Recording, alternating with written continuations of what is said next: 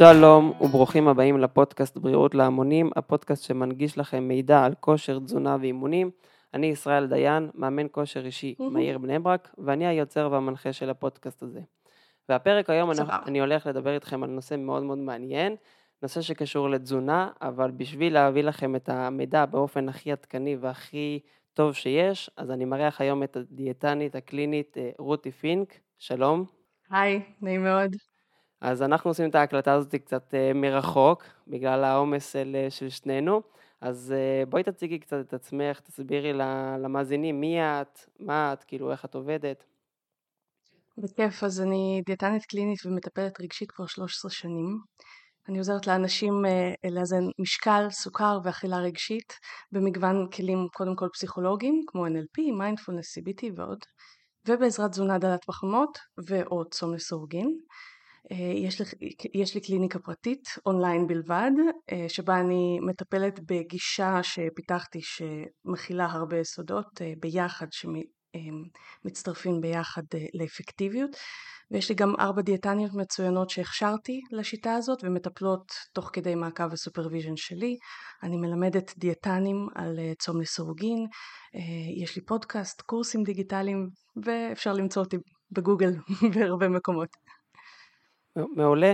אז קודם כל זה טוב ששנינו פודקסטרים, כי אז שנינו כבר את ההיבטים הטכניים אנחנו כבר יודעים בצורה יותר טובה, וגם להנגיש את המידע בצורה קצת יותר מתומצתת. אז שמעתי פה כמה פעמים, ואני עוד מעט ניגע בשיטה, כי אני רוצה גם לדבר עליה, אבל שמענו פה כמה פעמים את המילה אה, צום לסירוגין ואכילה רגשית.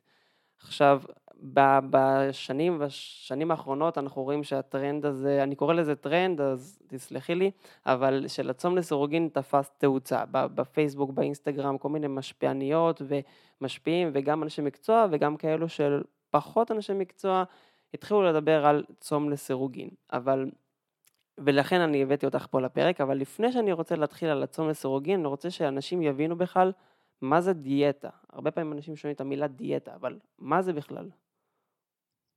אז uh, בהגדרה, בתרגום שלה, דיאטה זה בסך הכל תרגום של המילה אורח חיים.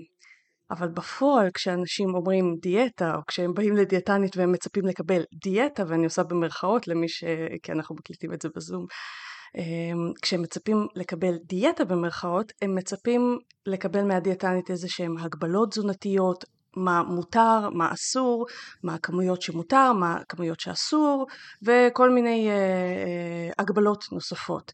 והתפיסה הזאת של דיאטה, ולא של אורח חיים, התפיסה הזאת של מה מותר ומה אסור, מה, אה, אה, של הגבלות תזונתיות, היא מייצרת המון המון בעיות. אנחנו יודעים שדיאטה בצורה הזאת היא לא משהו סופר אפקטיבי לטווח הארוך. בין תלוי באיזה מחקרים אתה מסתכל, בין 5 ל-40 אחוז הצלחה, שזה לא וואו, כאילו היינו מצפים להרבה יותר. אה, ולמה? אני רוצה זה, שגם זה תגידי, ב... אני אשמח גם שתגידי מה זה הצלחה במחקרים, כי אנשים חושבים שהצלחה זה 30 קילו. אנחנו מדברים על אה, נכון. 10-5 אחוז ממשקל הגוף אה, נכון. ש, ושמירה של שלהם. ושמירה, שזה... כי אנחנו יודעים למשל שכשאנחנו יורדים, אנחנו במשקל מינימום שאנחנו מגיעים אליו, פיזיולוגית הגוף טיפה אחר כך עולה, גם אם אנחנו עושים הכל אותו דבר, טיפה. אז אה, כן, point, ירידה כן. ושמירה. בדיוק, אז כשאנשים, אגב, אם אני אסבר את האוזן למאזינים, כשבן אדם למשל ששוקל 100 קילו וירד 10% ממשקל הגוף שלו, אז עכשיו הוא על 90, אם הוא יצליח לשמר את ה-10% הזה באופן שלם, זה די uh, מאורע חריג אה, סטטיסטית. זאת אומרת, ככל הנראה הוא לא יצליח לשמר את, ה-10, את כל ה-10% הזה של ירידה ממשקל הגוף, ככל הנראה הוא יצליח לשמר את רוב הירידה במקרה הטוב.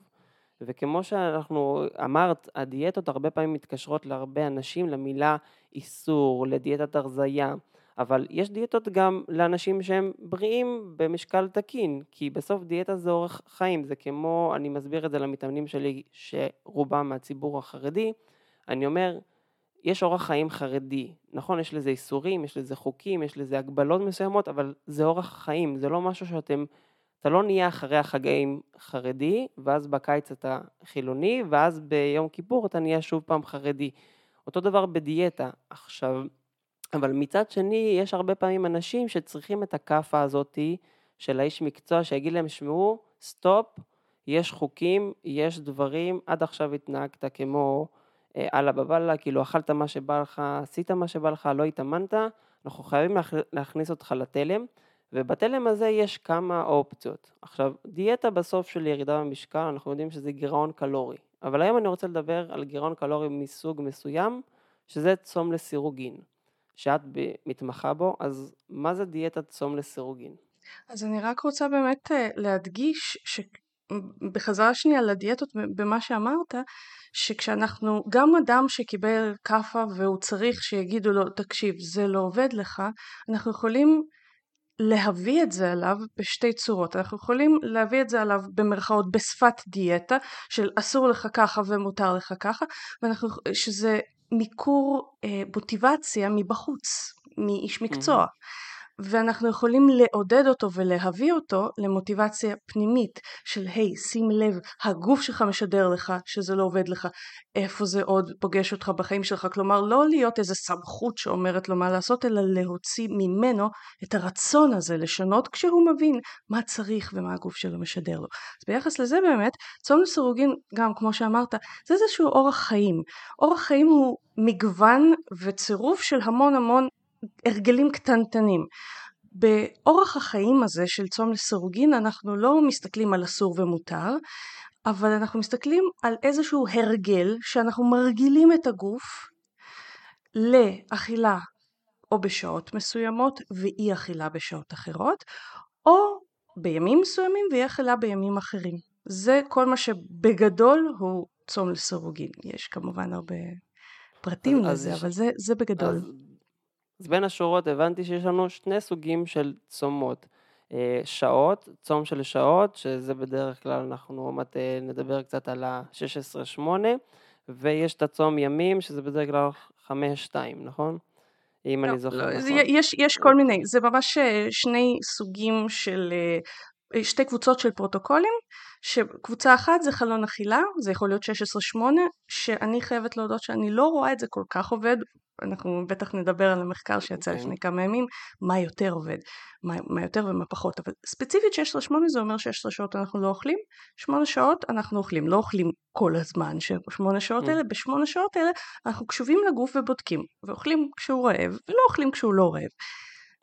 יש גם 17-7, אבל... יש גם 18-6 mm. וכן הלאה. זה כל הדברים האלה, זה, זה פרוטוקול של קבוצת חלון אכילה, חלון אכילה וחלון צום. הקבוצה השנייה היא הולכת בימים, היא לא מסתכלת על משהו שעושים כל יום. אתה צודק שחמש-שתיים נכלל בפרוטוקול הזה. כל הקבוצה הזאת נקראת בגדול alternate day fasting, שזה אומר alternate זה יום לסירוגין, אם אפשר לתרגם את זה כן. מאנגלית. אה, אז אה, יש חמש-שתיים שזה אומר יומיים בשבוע צמים ובשאר הימים אוכלים רגיל, וזה עובד לחלק מהאנשים. יש ארבע שלוש למשל, אה, שזה ארבע ימים אוכלים, ארבע ימים אוכלים רגיל ושלוש ימים צמים במהלך השבוע, ויש את ההקפדה יותר של ממש יום כן יום לא, לא משנה ימים קבועים או לא, ובתוך זה יש גם משהו שנקרא modified alternate day fasting שביום במרכאות צום אנחנו כן אוכלים אבל כמות מאוד מאוד קטנה ככה יותר כדי להרגיש שאנחנו לא רעבים אה, כל היום.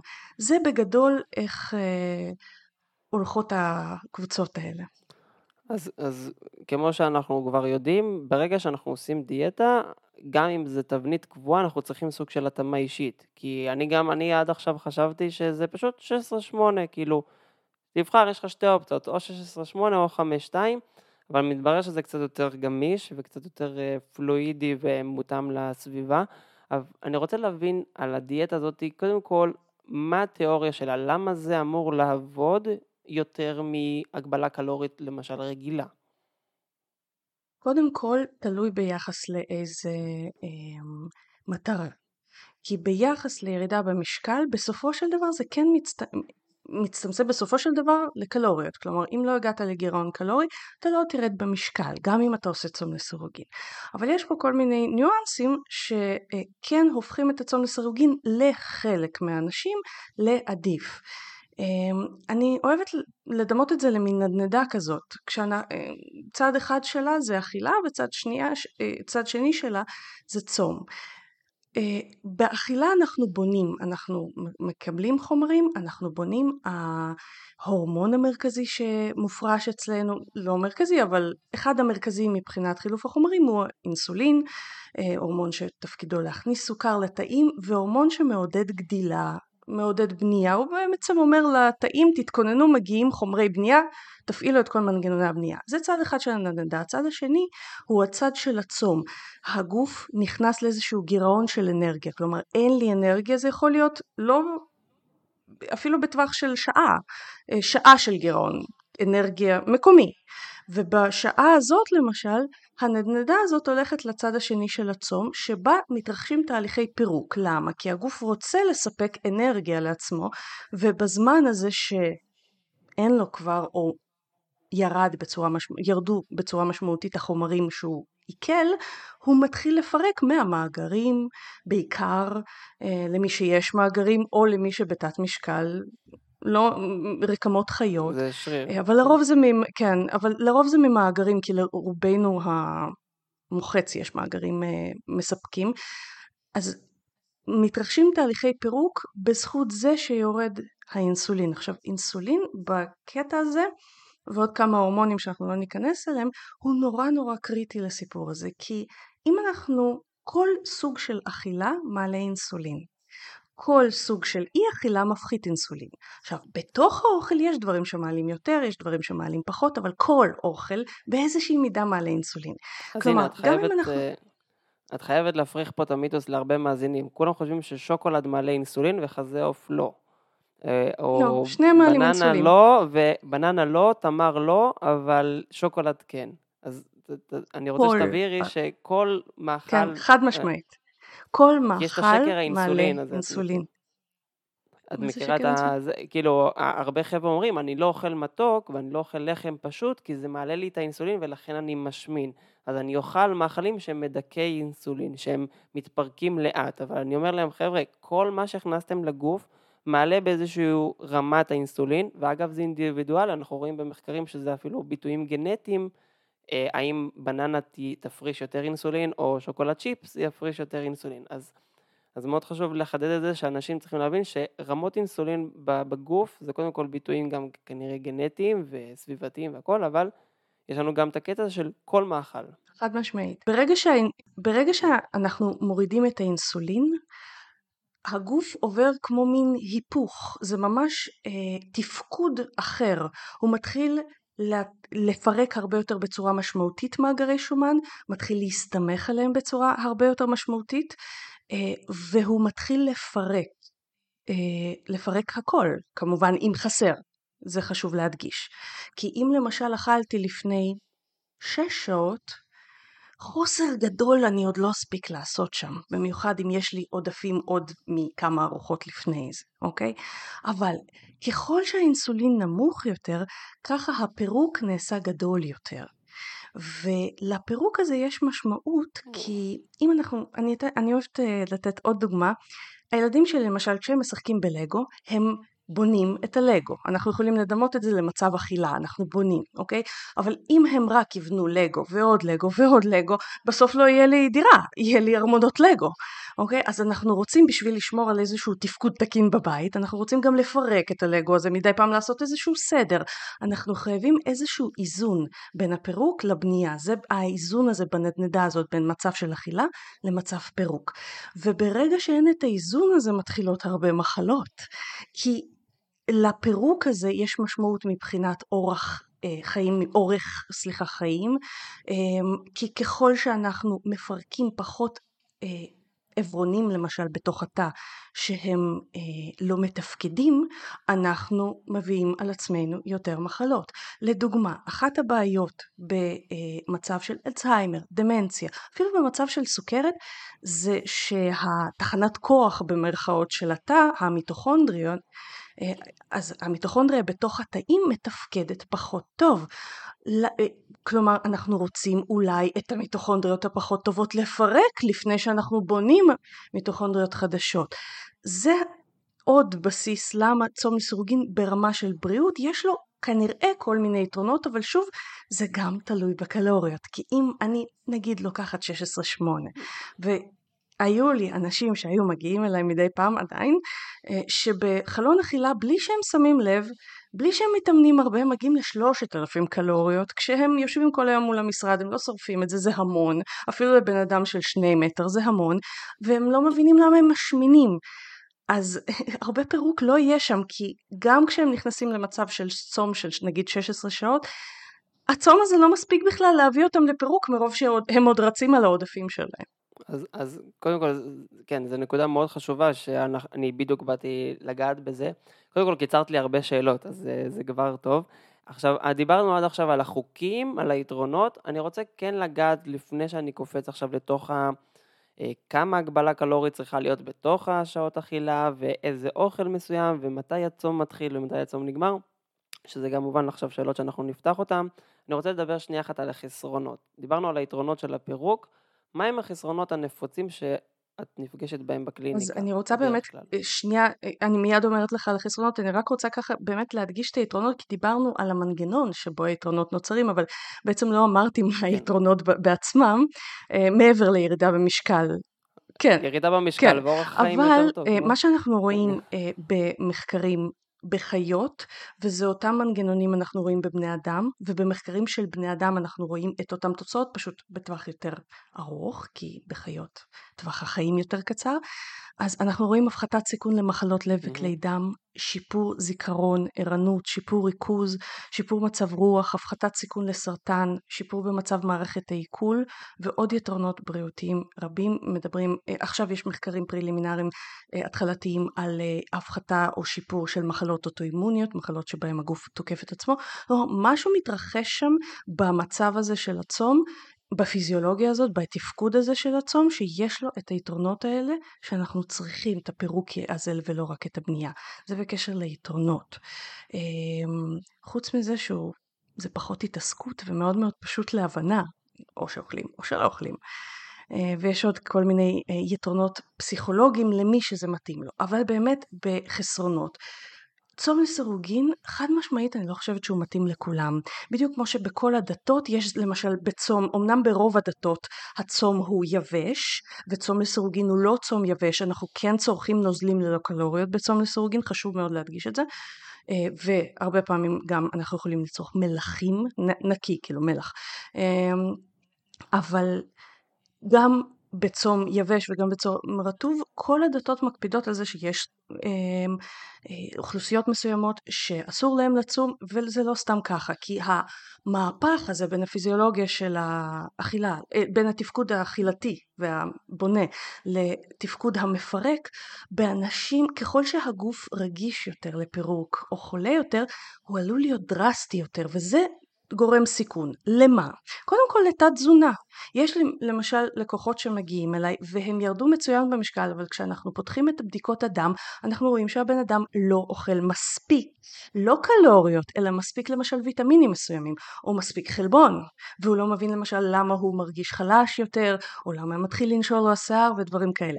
עכשיו צום לסירוגין הוא לא בהכרח אומר שנגיע לתת תזונה, ממש לא, אבל הוא סיכון, פשוט גורם סיכון, זה אומר שעדיף, כשאתה עושה צום לסירוגין, עדיף להיעזר באיש מקצוע שיעבור איתך על הדברים ויבדוק איתך את הדברים האלה. אמ, אני אדבר גם על הסיכונים בעצם וגם על החסרונות אה, ביחד, כי עוד משהו שחשוב אה, אה, להבין, וזה באיזשהו מקום לכאורה חיסרון, זה שלצום לסירוגין, ברגע שאנחנו בוחרים פרוטוקול מסוים, מסוים ואנחנו אה, זורמים איתו, לוקח לגוף זמן להיכנס לכושר צום. לצום לסירוגין ולספורט יש כמה מנגנונים אה, זהים, וכמו שאנחנו... זה כמו כמו קטוגני כזה, שלוקח גם, לגוף גם, אבל תחשוב גם על, על כושר עצמו. אנחנו לא נרים מיד, לא יודעת מה, בסקורת, אה, לא יודעת מה, 100 קילו 100 בדיוק. קילו. אנחנו נתחיל מאוד מאוד לאט ממה שאנחנו יכולים, אנחנו צריכים לבנות איזשהו כושר נסיעה, בשביל לעשות כמו, אה, כמו שצריך סקורות, ובסוף אנחנו גם יכולים להגיע ל-100 קילו. כל אחד והנטיות הגנטיות שלו, כל אחד והמצב הבריאותי שלו, יש אנשים שברכיים אה, או לא יודעת מה, אתה המומחה פה, אה, לא יאפשרו לו, או שזה לא כן. לא חכם לו, אוקיי? אז אותו דבר בצום לסירוגין. אנחנו צריכים כן. לבנות כושר צום, והכושר צום הזה, כמו ב- ב- באימונים בהתחלה כשאנחנו מתחילים, זה יותר קשה, גם מנטלית וגם פיזית. יש משהו בזיכרון שריר, ב- ב- ב- בעצבוב של השרירים, ב- ביכולת גדילה של השרירים, שהוא כאילו קשה יותר בהתחלה. זה ההתרגלות באיזשהו מקום לאימון. את, את אומרת לי שלמשל אני מגיע לקליניקה, אז אני מקבל שעתיים צום, ואז חמש, ואז עשר שעות, עד שאני מגיע ל-16 כן. שעות צום. אתה מתחיל, כי אצלי נגיד בשרירים, יש... אני לא מתחיל עם בן אדם 100 קילו. אבל אתה מתחיל גם לא חמש. מתחיל איתו מאפס. אתה בודק ל-100. מה הוא מסוגל, פחות או יותר, או כן. מעריך מה הוא מסוגל, ומשם אתה מפתח את זה. אני מאוד אוהבת את הגישה הזאת, כי זו גישה מאוד, מבחינת צום לסירוגין, אתה בודק כמה בן אדם יכול לסחוב במרכאות בלי להרוג את עצמו, משהו שהוא ריאלי בשבילו. למשל רוב האנשים 12 שעות יכולים לסחוב, אוקיי? רוב האנשים. אני לא מסוגל... אה, אני דוחה כמעט בדיקות דם, סליחה שאני אומר, אבל רק בגלל המילה הזאת צום. אני חוטף ג'ננה, אני רק שומע צום, נהיה לי כאב ראש ואני נהיה רעב. כאילו, גם צומות דתיים, כשהייתי צם, כאילו זה היה סיוט, נגיד יום כיפור ב-4, 3 בצהריים כבר הייתי מחשב את הפסיעות, כמה, כמה אני צריך ללכת מרוב חולשה. כאילו אני היום בצום, צום מלא נגיד של אה, עברתי ניתוחים, עברתי בדיקות דם מקיפות, שהייתי צריך למשל 12 או 16 שעות צום, הגעתי כאילו ממש לא, ב, לא, ב, לא במיטבי לבדיקות דם, כאילו הרבה פעמים גם כשהייתי יותר שמן, הייתי 110 קילו ועשו לי פעם אחת בדיקות אה, זה, פשוט כמעט התעלפתי בגלל החוסר סוכר והיו צריכים להביא לי סוכר ב... אצל האחיות, אז אני עד היום מפחד מהמילה הזאת צום, כאילו אני רק שומע על זה אני חוטף אה, זבן כזה, כאילו, אז איך את נגיד, אם נגיד עכשיו מגיע? מטופל כמוני אלייך, כאילו איך את, איך, כן, איך אני לקליניקה, איך את, איך את עובדת קודם עם כל כזה אני דבר? בודקת אם הוא צריך צום. כי הרי צום זה לא הדבר היחיד שאפשרי בשביל לעזור לו, ותלוי מה המטרה שלו. עכשיו, אני רוצה למשל להפריד בין ישראל שכן שקל, היה בעודף משקל או השמנה, לבין ישראל, אני, אני לא יודעת כמה אתה שוקל כרגע, אבל אתה נראה בחור במשקל תקין ו- ומאומן. אה, אז ה-BMI כותב לי שאני קצת בעודף משקל. כי הוא, שוב, כן, BMI כן, זה לא, כן. זה שריר, אבל אה, כן, כן. היום אני, בוא נגיד 30 אז כאילו למשל. אה, ככל שאחוזי השומן קטנים יותר אצל הבן אדם, אנחנו מדברים כבר כשהוא בנורמה, ככל שאחוזי השומן קטנים יותר, יותר קשה להחזיק צום, וזה נורא הגיוני, כי ככל שאחוזי השומן בתוך הנורמה קטנים יותר, וכמובן כשהם מתחת לנורמה, יותר אה, הגוף אה, אה, יש לו פחות מאגרים, אז הוא יותר מאותת לנו בעצם, היי, הו, ת, תעצור פה.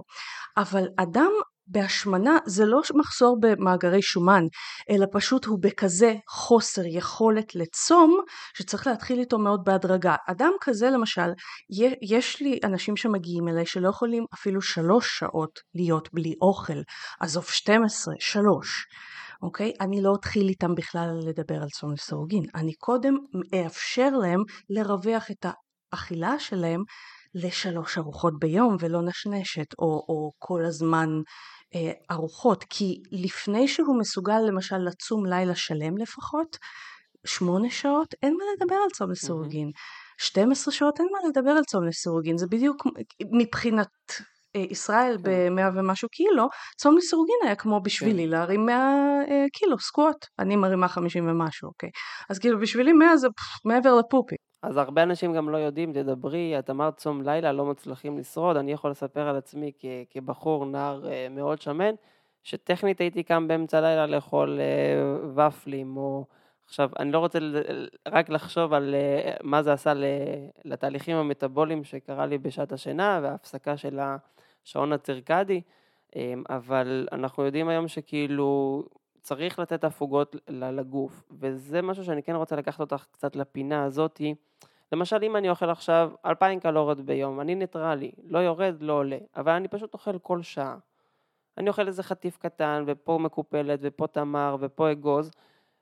האם זה יותר טוב, האם זה בסדר, או את היית מעדיפה שיהיה סוג של צומות באמצע כדי, כדי לתת לאינסולין לנוח? זה תלוי, זו שאלה מורכבת מכמה שאלות בעצם קטנות, כי אחד זה תלוי מה אתה אוכל באמת ש... וכמה זה מעלה לך אינסולין. כי אם האינסולין שלך בקושי עולה, אני סתם דוגמה נותנת לך, נגיד כל שעה אתה אוכל אגוזים, שהם בקושי מעלים אינסולין אצל רוב האנשים, אוקיי? אבל הם, הם מעלים, אבל בקושי. אז, אז mm-hmm. כל הרמה שלך תהיה יחסית שטוחה, לא יהיו לך פיקים ושיאים ונפילות של אה, אינסולין. אמ, כי ברגע שיש שיא אינסולין או נפילת אינסולין שם אנחנו מסתבכים. אז קודם כל כן זה יכול להיות בסדר. יחד עם זאת יש כמה יתרונות שתפיק אם אתה תרווח את זה.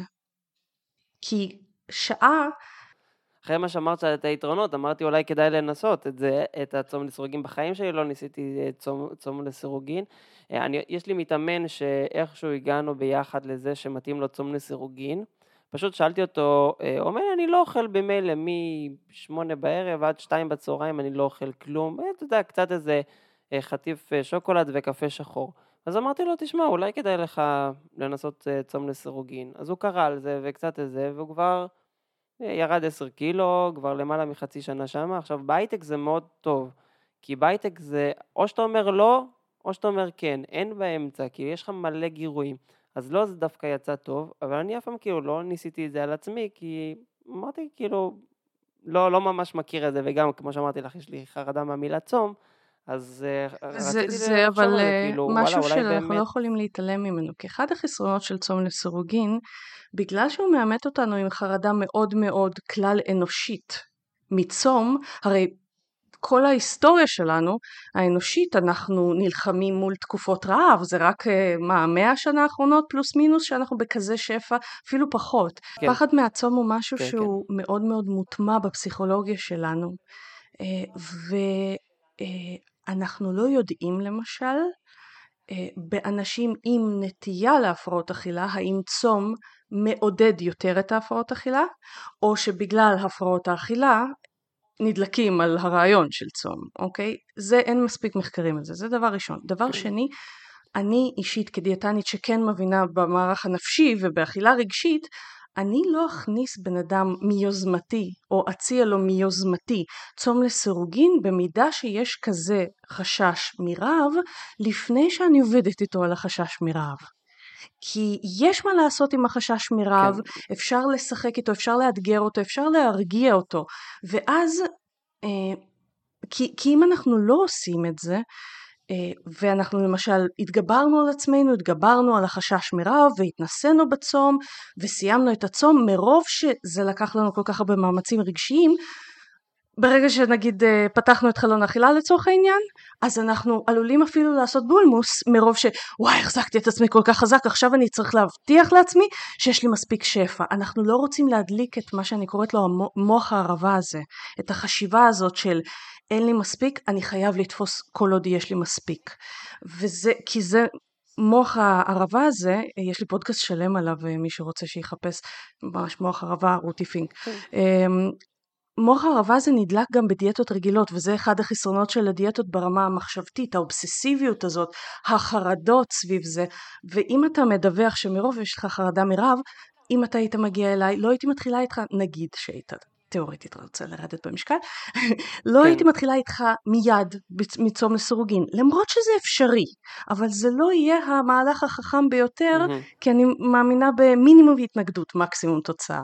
אחר כך, הרבה מאוד מטופלים שלי, אחרי שהזנו להם את האוכל, הם מיוזמתם מתחילים לצום לסירוגין מתוך קשב לגוף, אז למה ללכת נגד התחושה הפנימית הזאת, אוקיי? כן. האמת ש, שראיתי כמה, היה לזה סדרה נראה לי בנטפליקס, שזה אחד אמר שהוא צם שלושה ימים ברצף, וכאילו הוא מגיע לרמות של פלואו, ואצלו, כאילו הוא אמר שהוא הגיע לחדות אה, בעבודה, הוא בתור יזם, סטארט-אפיסט, הוא הגיע לחדות כל כך גבוהה בעבודה בצום, שכאילו הוא לא מוכן לאבד את זה, אז כאילו מבחינתו צום זה, נכון. זה מיטיב. עכשיו, אני רק ראיתי את זה, אמרתי, וואלה, בן אדם, כאילו, אני לא יודע לא על מה הוא מדבר, זה, אני... זה משהו ש... עד שאתה לא חווה כן. את זה, אתה לא יכול להבין על מה מדובר. אני אה, נכנסתי לצום לסורגין בעצמי אה, מסיבה שלא קשורה למשקל, אה, וברגע שחוויתי את זה, זה היה, זה היה ממש מהפך מחשבתי בשבילי, כי גם כדיאטנית, מעבר לזה שלא לימדו אותנו אז לפחות את הפיזיולוגיה של הצום, כל הזמן הזהירו אותנו, צום את התזונה, צום את התזונה, מתי אה, הכרנו את הצום? בתת-תזונה, במצבים של טיפול נמרץ כשלא אוכלים. וברגע שחוויתי את זה והבנתי כמה זה מרגיש נעים, כמה זה מגביר את הערנות והריכוז, בניגוד גמור לאינטואיציה של רגע, אבל אני בטח אהיה עצבני, זה, זה ממש ממש עודד, זה בדיוק מה שעודד אותי להמשיך, אבל חשוב להדגיש, זה קורה אחרי התרגלות לצום לסורוגין. בהתרגלות לצום לסורוגין, חשים את העייפות, חשים את הרעב, חשים את הדברים האלה. זה אחד החסרונות, ואם אנחנו מדברים גם על החסרונות או הסיכונים, אני תמיד אומרת שצום לסירוגין זה כלי תזונתי. אמ, אבל זה כלי תזונתי עם אינטנסיביות יותר גדולה מאשר למשל דיאטה רגילה.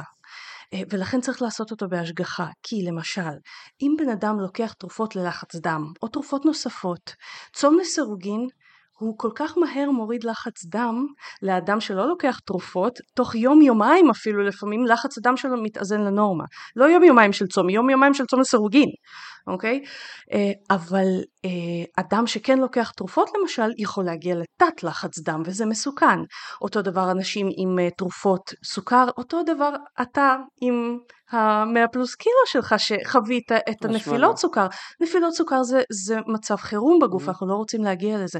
ולכן ההמלצה שלי זה ללמוד היטב על הצום לסירוגין, או להיעזר באיש מקצוע, או גם וגם, כדי לא להסתכן, כי עוד סיכונים יכולים להיות עצירויות, שלשולים, אה, בולמוסי אכילה, אמ, סחרחורות, כאבי ראש, ואת כל זה או אפשר למזער או פשוט למנוע על ידי התייחסות נכונה תזונתית והתאמת פרוטוקול מתאים. אז אם הבנתי, אז אפשר לעשות גם את הצום, אמרתי, יבש ורטוב. למשל, אני חייב קפה בבוקר. לא משנה עכשיו, זה התניה חברתית, לא אה, התניה פיזית, זה לא... זה... עכשיו, הרבה אנשים אומרים, אני צריך את ה...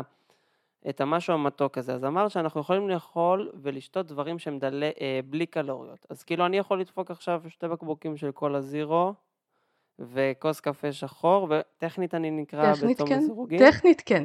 כמה זה אפקטיבי או לא, זה שאלה, כי יש אנשים שזה עדיין אפקטיבי מספיק אצלם, ויש אנשים שלא. אה, אבל אה, טכנית אתה בצום לסירוגין.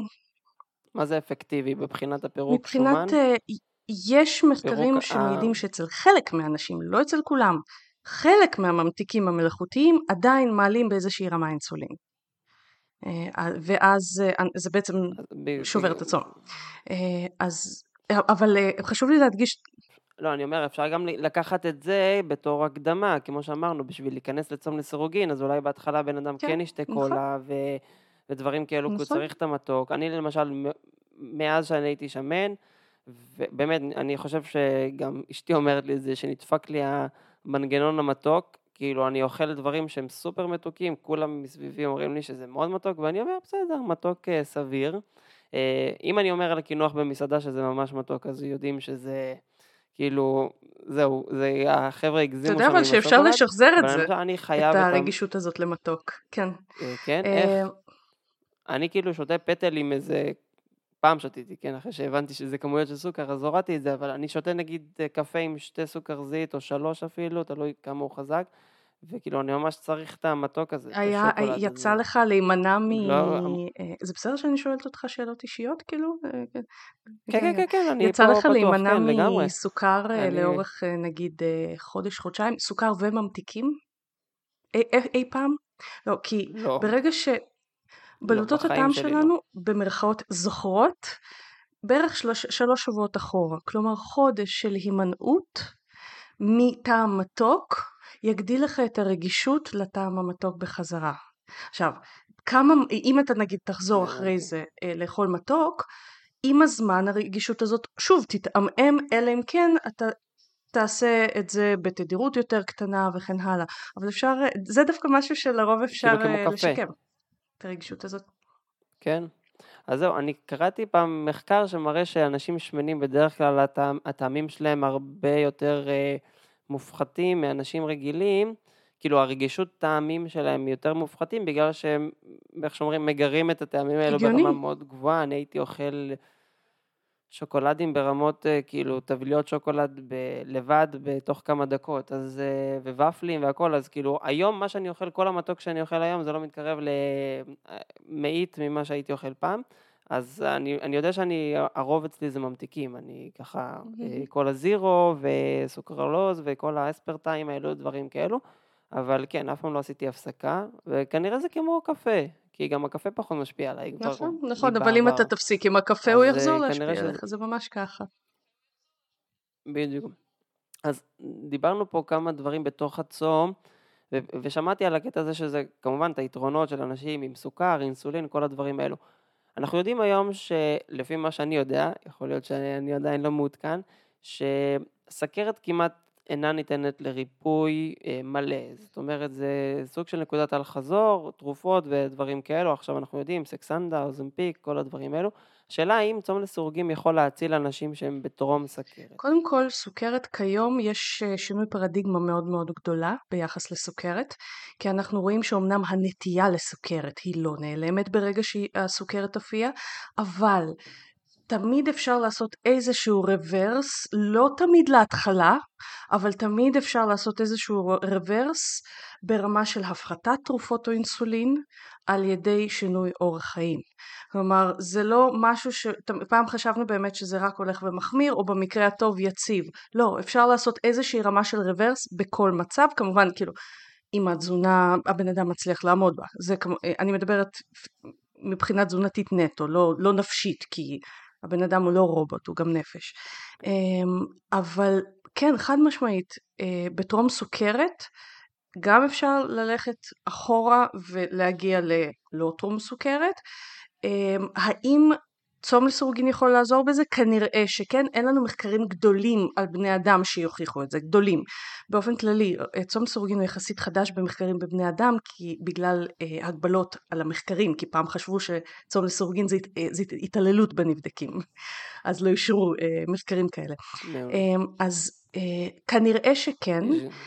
השאלה החשובה היא גם, אה, קודם כל, איזה פרוטוקול.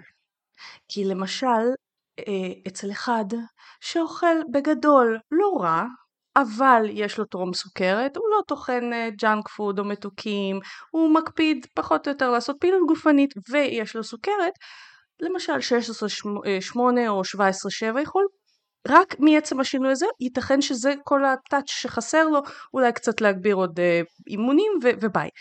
ככל שהסוכר גבוה יותר ולאורך זמן ארוך יותר, אם אנחנו רוצים להסתמך רק על צום לסורגין בלי שינוי אכילה, שאני אישית כדנטנית לא מאמינה בזה, כלומר זה פועל, אבל אני לא בעד זה בטווח ארוך, אמ, בדיוק כמו שאני לא בעד אה, לרוץ כדי לקצץ אה, אה, ממתקים, כי אתה אולי מקצץ את הקלוריות אבל לא את הנזק הבריאותי. אז גם צום לא יקצץ לך את כל הנזקים הבריאותיים שאוכל לא מתאים נותן. אבל נניח שאנחנו מסתמכים רק על צום לסירוגין, ככל שהסוכר גבוה יותר וככל שהוא נמצא זמן רב יותר, ככה פרוטוקול הצום לסירוגין צריך להיות אינטנסיבי יותר בשביל לעזור. עכשיו, ב- ביחס לסוכרת, אני, אני כיום כדיאטנית אה, לא אוהבת להשתמש רק בצום לסירוגין, אני אוהבת לשלב את זה עם תזונה, כי, ומשתמשת בצום לסירוגין כמין מגביר אפקטיביות של התזונה, לא ככלי בפני עצמו לטרום סוכרת או סוכרת.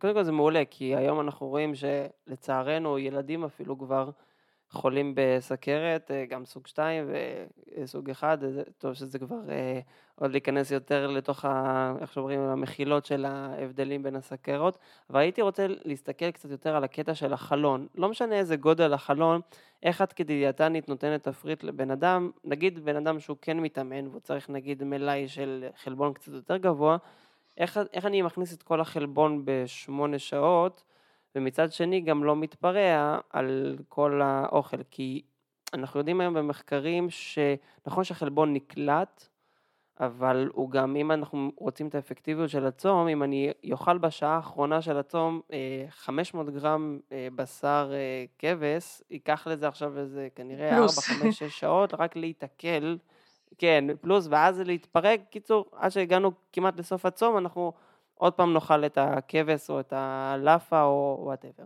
אז איך אנחנו מצד אחד כן מכניסים מאכלים, אבל מצד שני לא מזנקים כאילו את הרמות של ההורמונים בגוף ומכבידים על המערכת. קודם כל, בתור דיאטנית חשוב לי להדגיש משהו. כולם חושבים שדיאטנים נותנים תפריט. אה, תפריט זה אולי 1% ממה שדיאטנים נותנים. זה כמו להגיד שרופא נותן תרופה, הוא עושה המון דברים מעבר, החל מניתוחים, בדיקות וזה. אמ, ותפריט... אבל אתה יוצא אני... מה... כן, אתה יוצא מהמשרד רק עם התרופה, אתה לא כן, רואה. כן, נכון, אבל אתה לא רואה את כל התהליך שמסביב, ובסופו של דבר לא תמיד, בדיוק. רופא טוב גם לא תמיד נותן לך תרופה. נכון? הוא מעביר אותך איזשהו או תהליך או, או, או הסתכלות חשיבה או, או באמת בדיקות נוספות וכן הלאה. תפריט זה um, הכלי אחד הפחות יעילים בטווח הארוך בכלל. אז uh, um, כשאני עובדת עם בן אדם בהתחלה אולי אני אתן לו תפריט ככה כדי רק להראות לו בעין מה שנקרא איך זה יכול להיראות אבל אחד הכלים המשמעותיים ביותר שאני עובדת איתם מהפגישה הראשונה זה להחזיר אותם לקשב לגוף. אני ומיד אני אחזיר את זה לאיך אנחנו מאזנים את האוכל בתוך הדבר הזה, אני פשוט רוצה לה, להסביר כי זה קטע נורא נורא חשוב. אמ, ברגע שאנחנו נותנים תפריט, אם נחשוב למשל על שינה, אם אנחנו ניתן תפריט שינה, ואני אגיד לך, אה, ישראל אתה הולך לישון היום ב-10 וקם ב-6, וממחר אתה הולך לישון ב-12 וקם ב-6, נגיד, אוקיי? כי החישובים שלי הראו שאתה צריך רק 6 שעות. אבל ישראל במקרה לא מתאים לחישובים האלה, או שהוא עושה כל כך הרבה עבודה פיזית או עבודה מנטלית שהוא צריך יותר או פחות, לא יודעת מה. אמ, ולמשל הוא לא עייף ב-12 יום אחד אבל מת מעייפות כבר ב-10 ביום אחר והוא צריך להיצמד לתפריט הזה זה יהפוך את, את ישראל ל... ל אובסס, אובססיבי סביב הדבר הזה. האם הגעתי למספיק שינה, מתי אני עייף, זה גורם להתעסקות. זה התוצאה של היצמדות רק לתפריט, ולכן לצאת מדיאטנית רק עם תפריט זה לעשות אה, חלטורה. תפריט זה התחלה. זה, זה. זה לא תמיד אפילו חייב להיות ההתחלה. מה שאני מתחילה איתו עוד לפני התפריט זה בדיקה עד כמה בן אדם מסוגל להיות קשוב לגוף שלו. בדיוק כמו שאתה, אני רוצה בסופו של דבר שהגוף שלך ינהל את השינה שלך. אני רוצה גם שהגוף ינהל את האכילה. עם כל מיני טיפים ו- וידע שאנחנו יכולים להוסיף על זה. למשל, אם אני יודעת שאני לא ארדם בעשר אז כאילו יש כל מיני טריקים שאת יכולה לעשות, זה כן. אבל אני רוצה בסופו של דבר שזה ינוהל בעיקר על ידי הגוף ולכן העבודה היא קודם כל ללמוד להקשיב לרעב ולעצור בשובע. ובתוך חלון האכילה אחד האסים הגדולים של צום לסירוגין ואת זה אני רואה בצום לסירוגין ואני לא רואה את זה בדיאטות סטנדרטיות אולי רק בתזונה קטוגנית סלש דלת פחמימות וזה הסיבה שאני עובדת עם שתיהן כי זה הכי אפקטיבי אז בשני הכלים האלה, מה שאני רואה זה ירידה בתיאבון, פיזית. ואז כשאנחנו מלמדים את האדם גם להקשיב לירידה הזאת בתיאבון ולא לנשנש מסיבות של אכילה רגשית או בנושא אכילה ומטפלים בזה, הרבה פעמים אם זה בן אדם לא מתאמן אה, בצורה של הגדלת מסת שריר גדולה וזה, אנחנו יכולים להשאיר את זה as is עם כמה דגשים קטנים שאני מיד מגיעה אליהם, אוקיי? אה, ומה, ומה שקורה כן. במצב כזה ובמידה והוא בפרוטוקול הצום המתאים, הגוף מנווט לבד מתי לאכול בתוך חלון האכילה וכמה. למשל, יכול להיות שנגיד הרגלנו את הגוף לפתוח את חלון האכילה בשתיים, נגיד, אה, אבל אתה לא רעב בכלל בשתיים אז אתה תחכה אחרי שהתרגלת לצום סירוגין אתה תחכה עד שתהיה רעב אולי זה יהיה בשש יום אחד אולי זה יהיה באחד וחצי יום אחר. כלומר אתה מתחיל להיות גמיש ולא אובססיבי או strict בתוך הדבר הזה. זה בהנחה שאתה לא בונה שריר עכשיו מבחינת חלבון אחד החסרים הנפוצים ביותר בצום לסירוגין מבחינת אכילה הוא חלבון ולכן יש כל מיני דגשים שחשוב לתת לבן אדם, כמו למשל להתחיל מהחלבון. אם אנחנו רוצים שהחלבון יהיה כזה שיתעכל מהר, כי לא יודעת מה, יש לו עוד uh, שעתיים שלוש אנחנו רוצים שהחומצות אמינו האלה, אה, בניין של החלבון הזה יהיו זמינים, אז אנחנו נעשה את החלבון הזה כזה שהוא לא שומני במיוחד, כי שומן מאט את הספיגה של כל הרכיבים התזונתיים, לא רק של חלבון. אמ, אנחנו אולי אפילו ניקח חלבון מפורק יותר למשל, כמו למשל בכל היוגורטי פרו-גו שמכניסים את החומצות. אמינו עצמם, ה-BCA אה, וכן הלאה, אז זה, זה כבר התאמות שהן יותר בתחום תזונת הספורט, ואנחנו כן יכולים לתזמן את זה סביב Mhm. אימונים, זה כן. ולרוב למשל אה, אדם שכן רוצה לבנות מסת שריר מסוימת, אה, אני לא מדברת על שימור, כי אנחנו רואים שבצום לסירוגין שימור מסת שריר מתקיים טוב, אה, גם בירידה ממשקל, אבל בניית מסת שריר, אנחנו, אם אנחנו רוצים למקסם את זה, אנחנו רוצים למקס, אה, לכוון את החלונות אכילה סביב האימונים, כלומר שהאכילה תהיה בתוך המרווח הזה שייתן את מירב ההזנה לשרירים. מעולה, אז לפי מה שהבנתי זה בד- בדיוק השאלה הבאה, האם צום לסירוגין הוא אפקטיבי למתאמנים? אז כמו שאמרת, זה תלוי באיזה מצב הם נמצאים. אנחנו יודעים גם שלשמר מסת שריר דורש אפילו כמעט 50% מהמאמץ והסטים שנצרך בשביל לבנות אותו, אז כנראה שזה הגיוני שגם אנחנו לא נצטרך סופר מאמץ וסופר חלבון בשביל לשמר אותו. אמ, אבל הייתי רוצה כן להסתכל על הקטע הזה של הרבה חבר'ה מתאמנים, הם עושים גם צום לסירוגין. עכשיו השאלה היא, אמ, יש לי פה שתי שאלות, אני אתחיל עם הראשונה. השאלה הראשונה זה איך אנחנו ממקמים את הצום ביחס לאימון. אם אני נגיד מתאמן בבוקר, אז האם שווה לעשות את הצום כאילו מהערב עד, עד האימון הבא, ואז כאילו להתאמן, ואז ישר לאכול, כדי שיהיה לי סוג של חלון, או שזה לא כזה משנה, אה, לא כזה משנה בתוך ה... זה תלוי. זה, זה כאילו, תלוי את כמה, מה, היום? שוב כ- מה המטרה שלך ב- באימונים האלה. אה, כי אני- אני לא יודע מי, מי מתאמן ולא רוצה לעלות אה, מסת לא, אבל אה, אני, אה, אני. אני אסביר את עצמי. אתה צודק. אמ, אוקיי.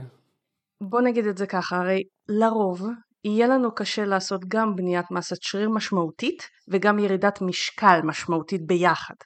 אוקיי? כי ירידת משקל היא מחייבת אה, יותר פירוק ובניית שרירים מחייבים יותר בנייה. אוקיי? ו- ויש גבול כמה אנחנו יכולים לשחק על זה. אז בגלל זה השאלה בעצם מה חשוב לבן אדם יותר. כי אם אנחנו רוצים את הירידה במשקל יותר, אז זה פחות קריטי התזמון של האימונים, אנחנו כן אבל נקפיד על החלבון, אוקיי? בחלון האכילה כמובן. אבל אם כן. זה בן אדם שבצורה משמעותית הדגש שלו עכשיו מה שנקרא מסה לא חיטוב, אז אנחנו כן נרצה את כל המעטפת של התזונה מסביב לאימון. עכשיו, השאלה הגדולה, ועוד אין תשובה חד משמעית עליה, היא האם אנחנו למשל יכולים לעשות את האימון בצום ואז לאכול, או שאנחנו צריכים לאכול ואז נגיד אחרי אה, שלוש, ארבע שעות, ווטאבר, לעשות את האימון. אין תשובה חד משמעית. קודם כל, צום מעלה הורמון גדילה שמשמר שריר, ובאיזושהי רמה יכול גם להגדיל שריר. אז אם אנחנו בצום, אנחנו מתאמנים, אנחנו בשיא הורמון הגדילה שלנו, ואז אנחנו אוכלים, אז אוקיי, אולי יש לזה יתרון, לא בטוח. בהנחה שהבן אדם בצום, את יודעת, כן. מתפקד טוב ויש לו אופציה להתאמן. לא בדיוק, הרבה, ו- אני ופה- למשל, כמו שאמרתי, בצום אני לא נכון, נכון. ובשביל, אנחנו הרי יודעים שבשביל אה, לפתח מסה, נכון, אנחנו צריכים לאכול מתאים, אבל זה לא האוכל שמפתח את המסה, זה האימון האפקטיבי.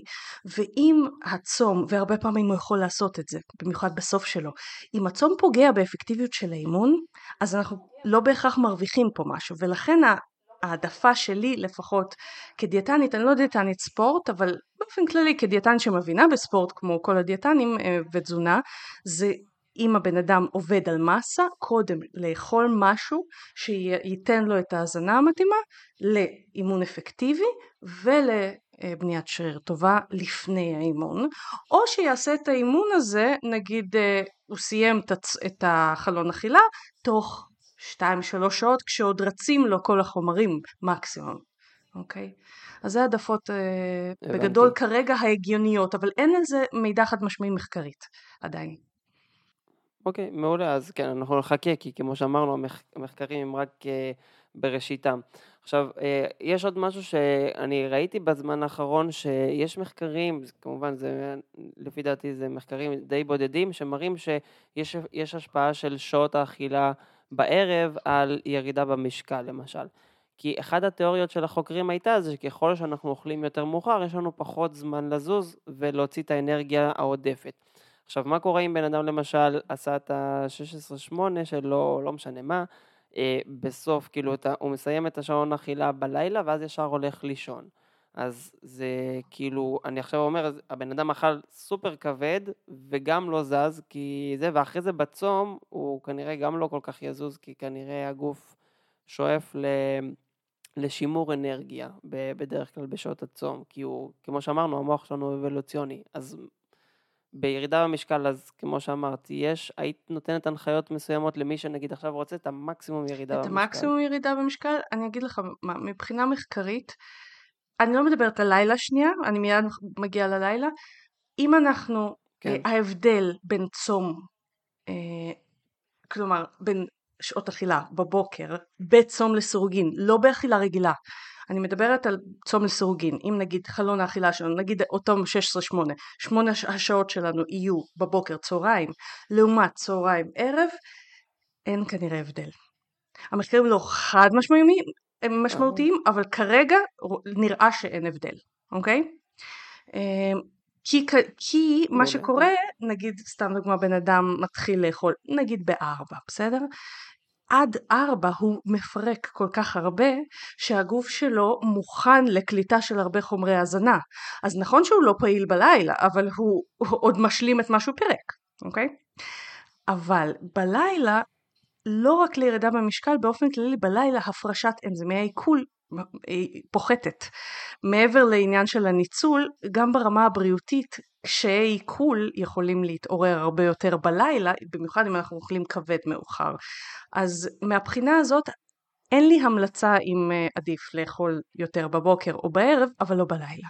מה היינו עושים עכשיו, בן אדם עכשיו נכנס לשלבי הסתגלות, ופתאום יש נפילת אנרגיה mm-hmm. בצום. אני לא רוצה להרוס את כל מה שבניתי בשבועיים, שלושה האחרונים, אבל מצד שני, אני באמצע עבודה, אני צריך את המתוק, צריך את הדברים האלו, מה את יכולה להמליץ לבן אדם ש...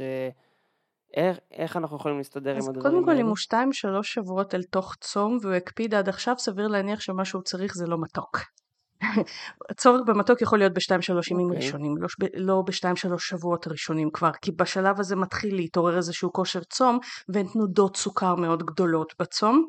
הרבה פעמים, וזה אה, חוסר ידע אדיר באוכלוסייה ביחס לצום באופן כללי, אה, צום סורגין, אה, שיצאנו מהימים הראשונים של הצום, אם אנחנו מרגישים נפילת אנרגיה, לרוב זה לא סוכר, אלא אה, אלקטרוליטים. אה, ואני קוראת לזה כמו דבורים, מלח מים, מלח מים, מלח מים. מה זה? מה זה אלקטרוליט? מלח, מלחים. כן, מלחים. מה זה אלקטרוליטים? הרבה נקרן, אנשים... נקרן, אשלגן כאלה. מלחים. כלומר, אם במצב הזה שיש נפילת אנרגיה, אנחנו נצרוך מספיק מלח עם נוזלים לא קלוריים, בלי לאכול, אנחנו נרגיש תוך דקה-שתיים יותר טוב. וזו הסיבה, מה? איפה יש איפה יש לנו המשקאות האלו שמוכרים בכל מיני חנויות? זה יכול להתחיל אה, מזה שיש זה... אנשים ששותים טקילה, הם שמים כזה על היד אה, מלח ואז עושים את השוט של טקילה, אז תשימו מלח, תעשו שוטים של מים. אם זה, זה מתחיל מזה, וכאלה באמת במשקאות אלקטרוליטים, כן. אבל לא חייבים ללכת למשקאות אלקטרוליטים, יש לי באינסטגרם שלי למשל מתכון למשקה כזה שהוא, אה, זה, שהוא אפשר להכין בבית, אבל, אבל כן, אף פעם לא שמעתי על נפילת מלח. זה לא נפילת מלח, אבל אחד הדברים שקורים בצום זה שאנחנו מוציאים יותר נוזלים, צום זה דבר מייבש, כלומר קודם כל נפילת מים בגוף, התייבשות, וב' אנחנו גם משתינים יותר מלח בתוך השתן, אנחנו מפרישים אל תוך השתן יותר מלח, ולכן ההשלמה של הדברים האלה או מפחיתה בצורה משמעותית או אפילו מונעת הרבה פעמים את התחושה הזאת. עכשיו, בהתרגלות עדיין יהיה קצת חולשה וקצת נפילת אנרגיה, אבל היא לא צריכה להיות דרמטית, אם אנחנו עושים את זה נכון. אבל אם עשינו את זה ועשינו מספיק מלח, אנשים לפעמים צריכים אפילו, שוב, זה אה, נורא נורא אישי, אז אל תתפסו את זה כהמלצה כללית לכולם. אנשים צריכים, נגיד פר 24 שעות צום, תוספת של כפית מלח, אקסטרה. הרי הם לא מקבלים אותה לא מהאוכל ולא מהשתייה כמעט, אז הם צריכים תוספת של כפית מלח. אז אם הם השלימו מספיק מלח ומספיק נוזלים וזה לא משתפר בשום צורה, אז קודם כל עדיף להפסיק את הצום. מפעם אחת שהפסקנו את הצום, לא יקרה שום דבר אם בנינו כבר כושר צום. פשוט ממשיכים בפעם הבאה, וגם שמים לב, אה, יכול להיות שקרה פה משהו שגרם לי להיות יותר אה, עייף וכן הלאה. אבל חש, חשוב לי להדגיש שהנפילות אנרגיה האלה, כל עוד אנחנו ממיימים את עצמנו מספיק, ובהתחלה, שוב, בהתרגלות צורכים מספיק מלח, כי אנחנו לא, כל, הגוף מתרגל לכמויות מלח החדשות האלה, לא צריך כל הזמן אה, להוסיף מלח, זה אמור לעבור עם הזמן, כל עוד אנחנו נשארים באותו פרוטוקול. כן, אז כמו שאנחנו רואים, מלח זה טוב ב- למי שזה חסר לו, למי שלמשל גם עושה ספורט, עושה ספורט ואז הוא מזיע. ו... עכשיו, אמרת אה, בתחילה, בפתיחה, עכשיו חפרנו הרבה על כל הצום לסירוגין, וזה משהו שרציתי, רציתי לכסות את הנושא הזה, ואני בטוח שיש עוד המון על מה לדבר בתוך התתי נושאים, אבל אמרת שיש לך סוג של שיטה, אה, שיטה שהעברת כבר לכמה דיאטניות, את יכולה לתת עליהם אה, כמה, כמה על השיטה. דברים? אז השיטה כן. שלי מתייחסת לשלוש אה, אספקטים. האספקט הראשון הוא באמת האוכל, מן הסתם, אני דיאטנית. אה, אנחנו רוצים אוכל שיווסת לנו את התיאבון. אה, כי המטרה של השיטה היא להיות חופשיים מהתעסקות עם אוכל. אני לא מדברת על התעסקות של צריך לבשל מדי פעם לעצמנו, כן? האוכל לא ינשור עלינו כמו מן מהשמיים לצערנו, לא בתקופה שלנו. אבל מעבר להתעסקות הבסיסית, אני מתכוונת, לא אובססיביות סביב אוכל. אז השיטה נועדה מצד אחד להשיג מטרות בריאותיות, בין אם זה ירידה במשקל, איזון סוכר וכן הלאה, לחץ דם, כבד שומני וזה. אה, אבל מצד שני, במקביל, בלי האובססיביות ובלי ההתעסקות המחשבתית ובלי הורדת ביטחון וקשיים נפשיים מול האוכל. אז החלק הראשון הוא באמת להתאים תזונה שתעבוד עם הגוף שלנו, היא תעודד את הגוף שלנו להפחית לבד את האוכל, שזה בדרך כלל, אם כי לא תמיד, כולל איזושהי רמה של הפחתת פחמימות ואיזושהי רמה של צום לסירוגין, ושוב, לא חובה, יש אנשים שאפילו את זה לא צריכים, אה, או לא מתאים להם. הרמה השנייה היא הרמה של הקשב לגוף. כי המון אנשים אוכלים מעולה, למשל אנשים מגיעים אליי בתזונה דלת פחמות, עושים דל פחמות עם צום לסורגין, לא יורדים גרם. וכשאני מתחילה לתשאל אותם איך הם אוכלים, הם לא אוכלים כשהם רעבים, אלא הם אוכלים מהמון סיבות אחרות, שאולי נספיק לדבר עליהם, אה, וכשהם ואו כשהם מסיימים לאכול, הם מסיימים לאכול כשהם מפוצצים או בעודף זה רמה של חוסר קשב לגוף שהיא מאוד גדולה. אז האלמנט השני הוא ללמוד את השפה של הגוף. איך הגוף אומר כן, איך הגוף אומר לא. למשל, רב הוא הסימן של הגוף אני רוצה אוכל. חוסר רב זה אומר שהגוף לא רוצה אוכל. זה לא, ו- והרבה אנשים אה, חווים חוסר רב, אבל תחושה בגוף למשל של יש לי מקום. אני לא רעב, אבל יש לי מקום, ואז הם מפרשים את זה כרעב, אבל זה לא רעב. אז איך ל, ללמוד את השפה בחזרה כי בחברה שלנו מעודדים אותנו כמעט להתעלם מהשפה הזאת עם כל הנשנושים, עם כל התיקח ארוחה פה, תיקח ארוחה שם וכן הלאה. אז האלמנט הראשון זה התזונה, האלמנט השני זה הקשב לגוף והיכולת גם המנטלית להסתכל על הגוף כידיד ולא כמשהו להילחם בו. וכשאנחנו מצרפים את זה לתזונה שעוזרת לו ללכת למטרות שלנו זה גם קל יותר. האלמנט השלישי הוא הטיפול באכילה רגשית, כי אנחנו יכולים לאכול מצוין איכות, אנחנו יכולים לנס... לזהות מצוין את הסימנים של הגוף, אבל לא להיות מסוגלים למשל לחכות לרעב, בין אם זה כי אנחנו פוחדים מרעב, בין אם זה כי אנחנו צריכים מענה מה... על דברים אחרים מהאוכל שהוא לא, שהם לא מענה לרעב, אז היכולת לטפל באכילה פסיכולוגית נגיד את זה ככה שהיא לא מקורה הוא לא בצורך של הגוף אלא בצרכים של נפש של התנהגות של אוטומטים מאפשרת לנו באמת להקשיב לו ליישם את מה שאנחנו לומדים אז זה שלושת הדברים אה, שאנחנו נעים עליהם במקביל בטיפול.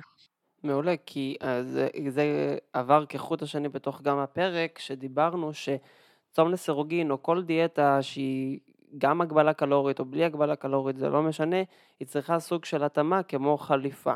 והרבה פעמים אני אומר את זה גם למתאמנים שלי, אני עובד עם הציבור החרדי בעיקר, והמודעות שם אה, לאנשי מקצוע היא קצת פחות, אה, אני בינתיים לאט לאט מעלה את זה, אה, אני לא יודעת כמה את נפגשת עם הציבור הזה, אבל הציבור קודם כל עמוס באירועים ועמוס בתאכל, כי כולם כבר אוכלים ובישלתי ויש שבתות וחגים. והרבה פעמים אנשים אומרים לי, תשמע, אני אה, יושב בשולחן שבת וסיימתי את האוכל ואני מפוצץ, אבל אני מחכה חצי שעה כי יש בשר ויש אה, קינוח. אז אני שואל אותו, אבל למה חיכית עכשיו חצי שעה? הוא אומר, אני חיכיתי שיתפנה מקום. אז אתה לא מקשיב לגוף שלך, זה כאילו אתה דוחף, דוחף, זה כמו שעכשיו הילד שלך, אתה תרדים אותו, ואז תעיר אותו אחרי חצי שעה, כי חיכית שהוא יצבור קצת אנרגיה כדי שימשיך לשחק. אתה לא תשגע אותו כל הלילה להעיר אותו, אותו דבר בגוף, למה אנחנו כל שנייה מעירים את הגוף בלדחוף עוד פרגית, עוד איזה סטייק, עוד איזה אה, לחמניה, ואז אני אומר להם, לכו לאנשי מקצוע, בדיוק כמו משכנתאות ועורך דין ורופא, אותו דבר גם צריך לפעמים לדעת ללמוד על הגוף. למשל, אה, יש לי כמה מתאמנים שאמרו לי, תשמע, אבל זו התעסקות יותר מדי גדולה בגוף. אני אומר לו, תשמע, יש עשרות אלפי ספרים, יכול להיות כבר מאות אלפי ספרים, על איך לשפר את הנפש, ביהדות למשל. אבל אני לא ראיתי כמעט ספר אחד שמדבר איך, על איך לשפר את הגוף. אז אני, אני מסכים שיהיה ספר אחד על כל אלף אה, ספרים של הנפש, וזה גם משהו שאני רוצה להעביר גם בפודקאסט הזה, שלא משנה איזה תבנית דיאטה אתם עושים, זה לא מעניין אותי גם, לכו תעשו פגישת ייעוץ עם איש מקצוע, אז יכולים לפנות אלייך, לפנות לכל שיטה אחרת, לכו תקשיבו, מקסימום יכול להיות שזה לא מתאים לכם, זה בסדר, אבל ככל הנראה האיש מקצוע יגיד לכם אולי גם מה לא מתאים לכם, שזה יכול לחסוך שנים של תסכול. וזה גם הרבה פעמים אנשים שלא יודעים איך להתמודד עם אכילה רגשית, שדיברנו עליה פה ושם בתוך הפרק, שהם לא מבינים כאילו למה פתאום באמצע הלילה הם קמים, ולמה יש להם נפילות סוכר או נפילות אה, אנרגיה מסוימות, והם לא יודעים לקרוא נכון, אז הם ישר רצים לשוארמה הקרובה או, ל, או לשוקולד הקרוב. הרבה מאוד אנשים דווקא באמת אה, אה, שפגשתי בציבור החרדי, אה, יותר כן. אפילו נשים, אם כי אני לא רוצה לשייך את זה רק לנשים, כי גם בגברים פגשתי, וזה גם לא רק בציבור החרדי, אני פשוט רואה שזה מובהק יותר בציבור החרדי, יש כל כך הרבה doing, עשייה, עשייה, עשייה, שבתוך העשייה הזאת לכאורה יש מקום המון לנפש בזכות המנהגים והדת והכל, אבל בפועל אמ, האנשים פחות שמים לב לצרכים שלהם, צרכים בסיסיים, למשל צורך לשקט, צורך למנוחה, ופחות נותנים להם לגיטימציה, כי מה, יש לי שש ילדים, איזה צורך למנוחה וזה. וכשאחת הסיבות לאכילה רגשית, אכילה שהיא לא מקשב לגוף, היא, היא יכולה להיות חברתית באמת, כמו שאמרת, היא יכולה להיות סטרס. גם אה, מסיבה שיש לי צורך כלשהו שאני לא ממלא ברגע שזה לא רק סטרס, זה ממש צורך. צורך הוא לא בהכרח סטרס, אבל כשאנחנו לא ממלאים אותו לאורך זמן, נוצר מין ואקום כזה, ואז אנשים באים אליי ואומרים, אני מרגיש שיש לי בור. ואז התהליך הוא ללמוד מה הצרכים שאנחנו מתעלמים מהם. לא תמיד נוכל בדיוק לספק אותם, אבל עצם היכולת לראות אותם לפעמים כבר מאפשרת את הסיפוק הזה ולא את ההליכה לאוכל כדי למלא את הבור הזה. זה רק אלמנט אחד ואספקט אחד של אכילה רגשית באמת. לגמרי, זה, זה, זה משהו שמאוד חשוב לשים עליו את, ה, את, ה, את היד ואת הסמן פה ב...